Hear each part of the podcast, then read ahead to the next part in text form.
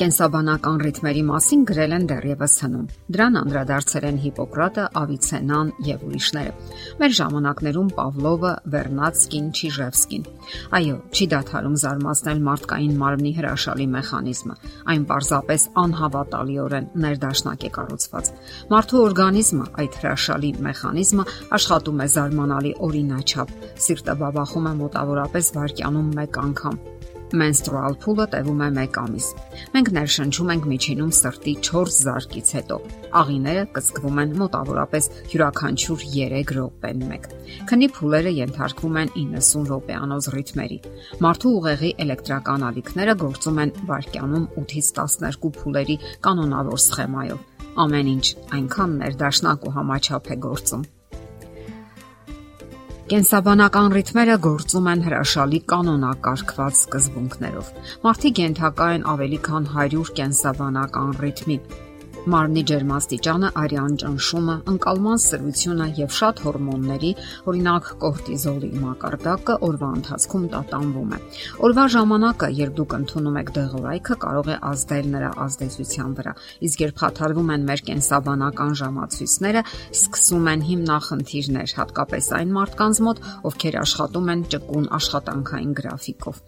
Այսպիսի բնորոշ օրինակ. Հնդկաստանի Բհոպալ քաղաքի քիմիական գործարանում տեղի ունեցած ունեցավ Հնդկաստանի Բհոպալ քաղաքի քիմիական գործարանում տեղի ունեցավ թունավոր գազի արտահոսք։ Երեկոյան, երբ տեղի ունեցավ գազերի արտանետումը, մահացավ համարյա 3000 մարդ, իսկ ընդհանուր առմամբ 40 տոննա թունավոր նյութի տարածման արդյունքում զոհվեց մոտավորապես 15000 մարդ։ Այս ողբերգությունը համարվում է մարդկության պատմության մեջ ամենալուրջ էկոլոգիական աղետը։ Մեկ այլ աղետ տեղի ունեցավ Չեռնոբիլում, երբ պայթեց ատոմային ռեկատորը։ Երեկոյան հերթափոխից հետո, երբ նոր բրիգադները առավոտյան փոխարինում էին երեկոյան հերթափոխին, նույնը Պենսիլվանիա նահանգում գտնվող Տրիմայլ կղզու ատոմային էլեկտրակայանի աղետը եւ դարձյալ երեկոյան պատճառը շատ པարզ էր օրգանիզմի հոգնածությունը։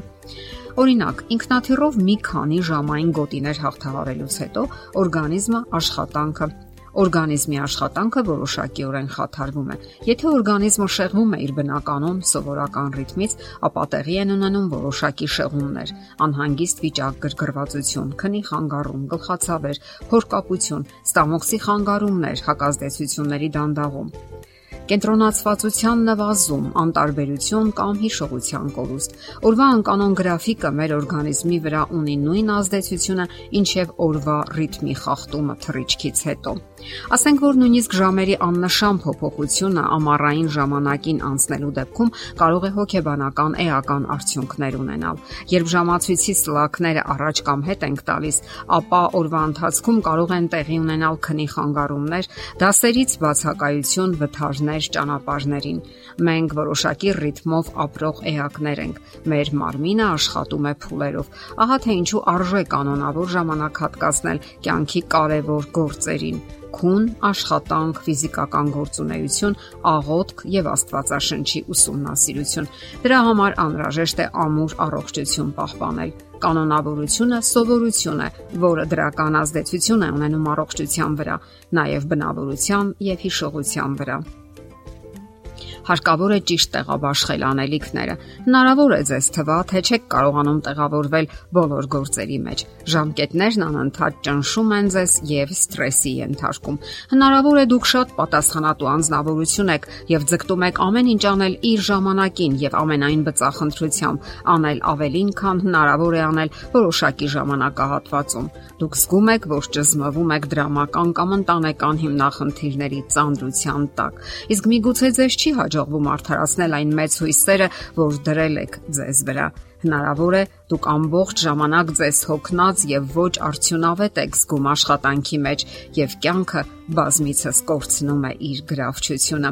Ահա այն վտանգավոր իրավիճակները, որ կարող են խախտել ձեր օրգանիզմի կենսաբանական ռիթմերը եւ դուք առողջական խնդիրներ կունենաք։ Երբեմն էլ դա դրսևորվում է դեպրեսիայի ձևով։ Այն ազդում է նույնիսկ առողջ դատողության սթափ գնահատելու ստեղծագործական ընդունակությունների վրա։ Կենսաբանական ռիթմերի խախտումները հանգեցնելով սթրեսի կարող են առաջացնել նույնիսկ անհամաչափ սրտխփոց, ստենոկարդիա, ընդհուպ մինչև սրտային նոպաներ։ Սթրեսը կարող է արագացնել նաև շնչառության հաճախությունը, առաջ բերելով մակերեսային շնչառություն եւ նվազագույն քանակի թթվածնային փոխանակություն։ Նման դեպքերում խոր շնչառությունը կարող է օգնել մարդուն թուլանալու եւ հանգստանալու համար։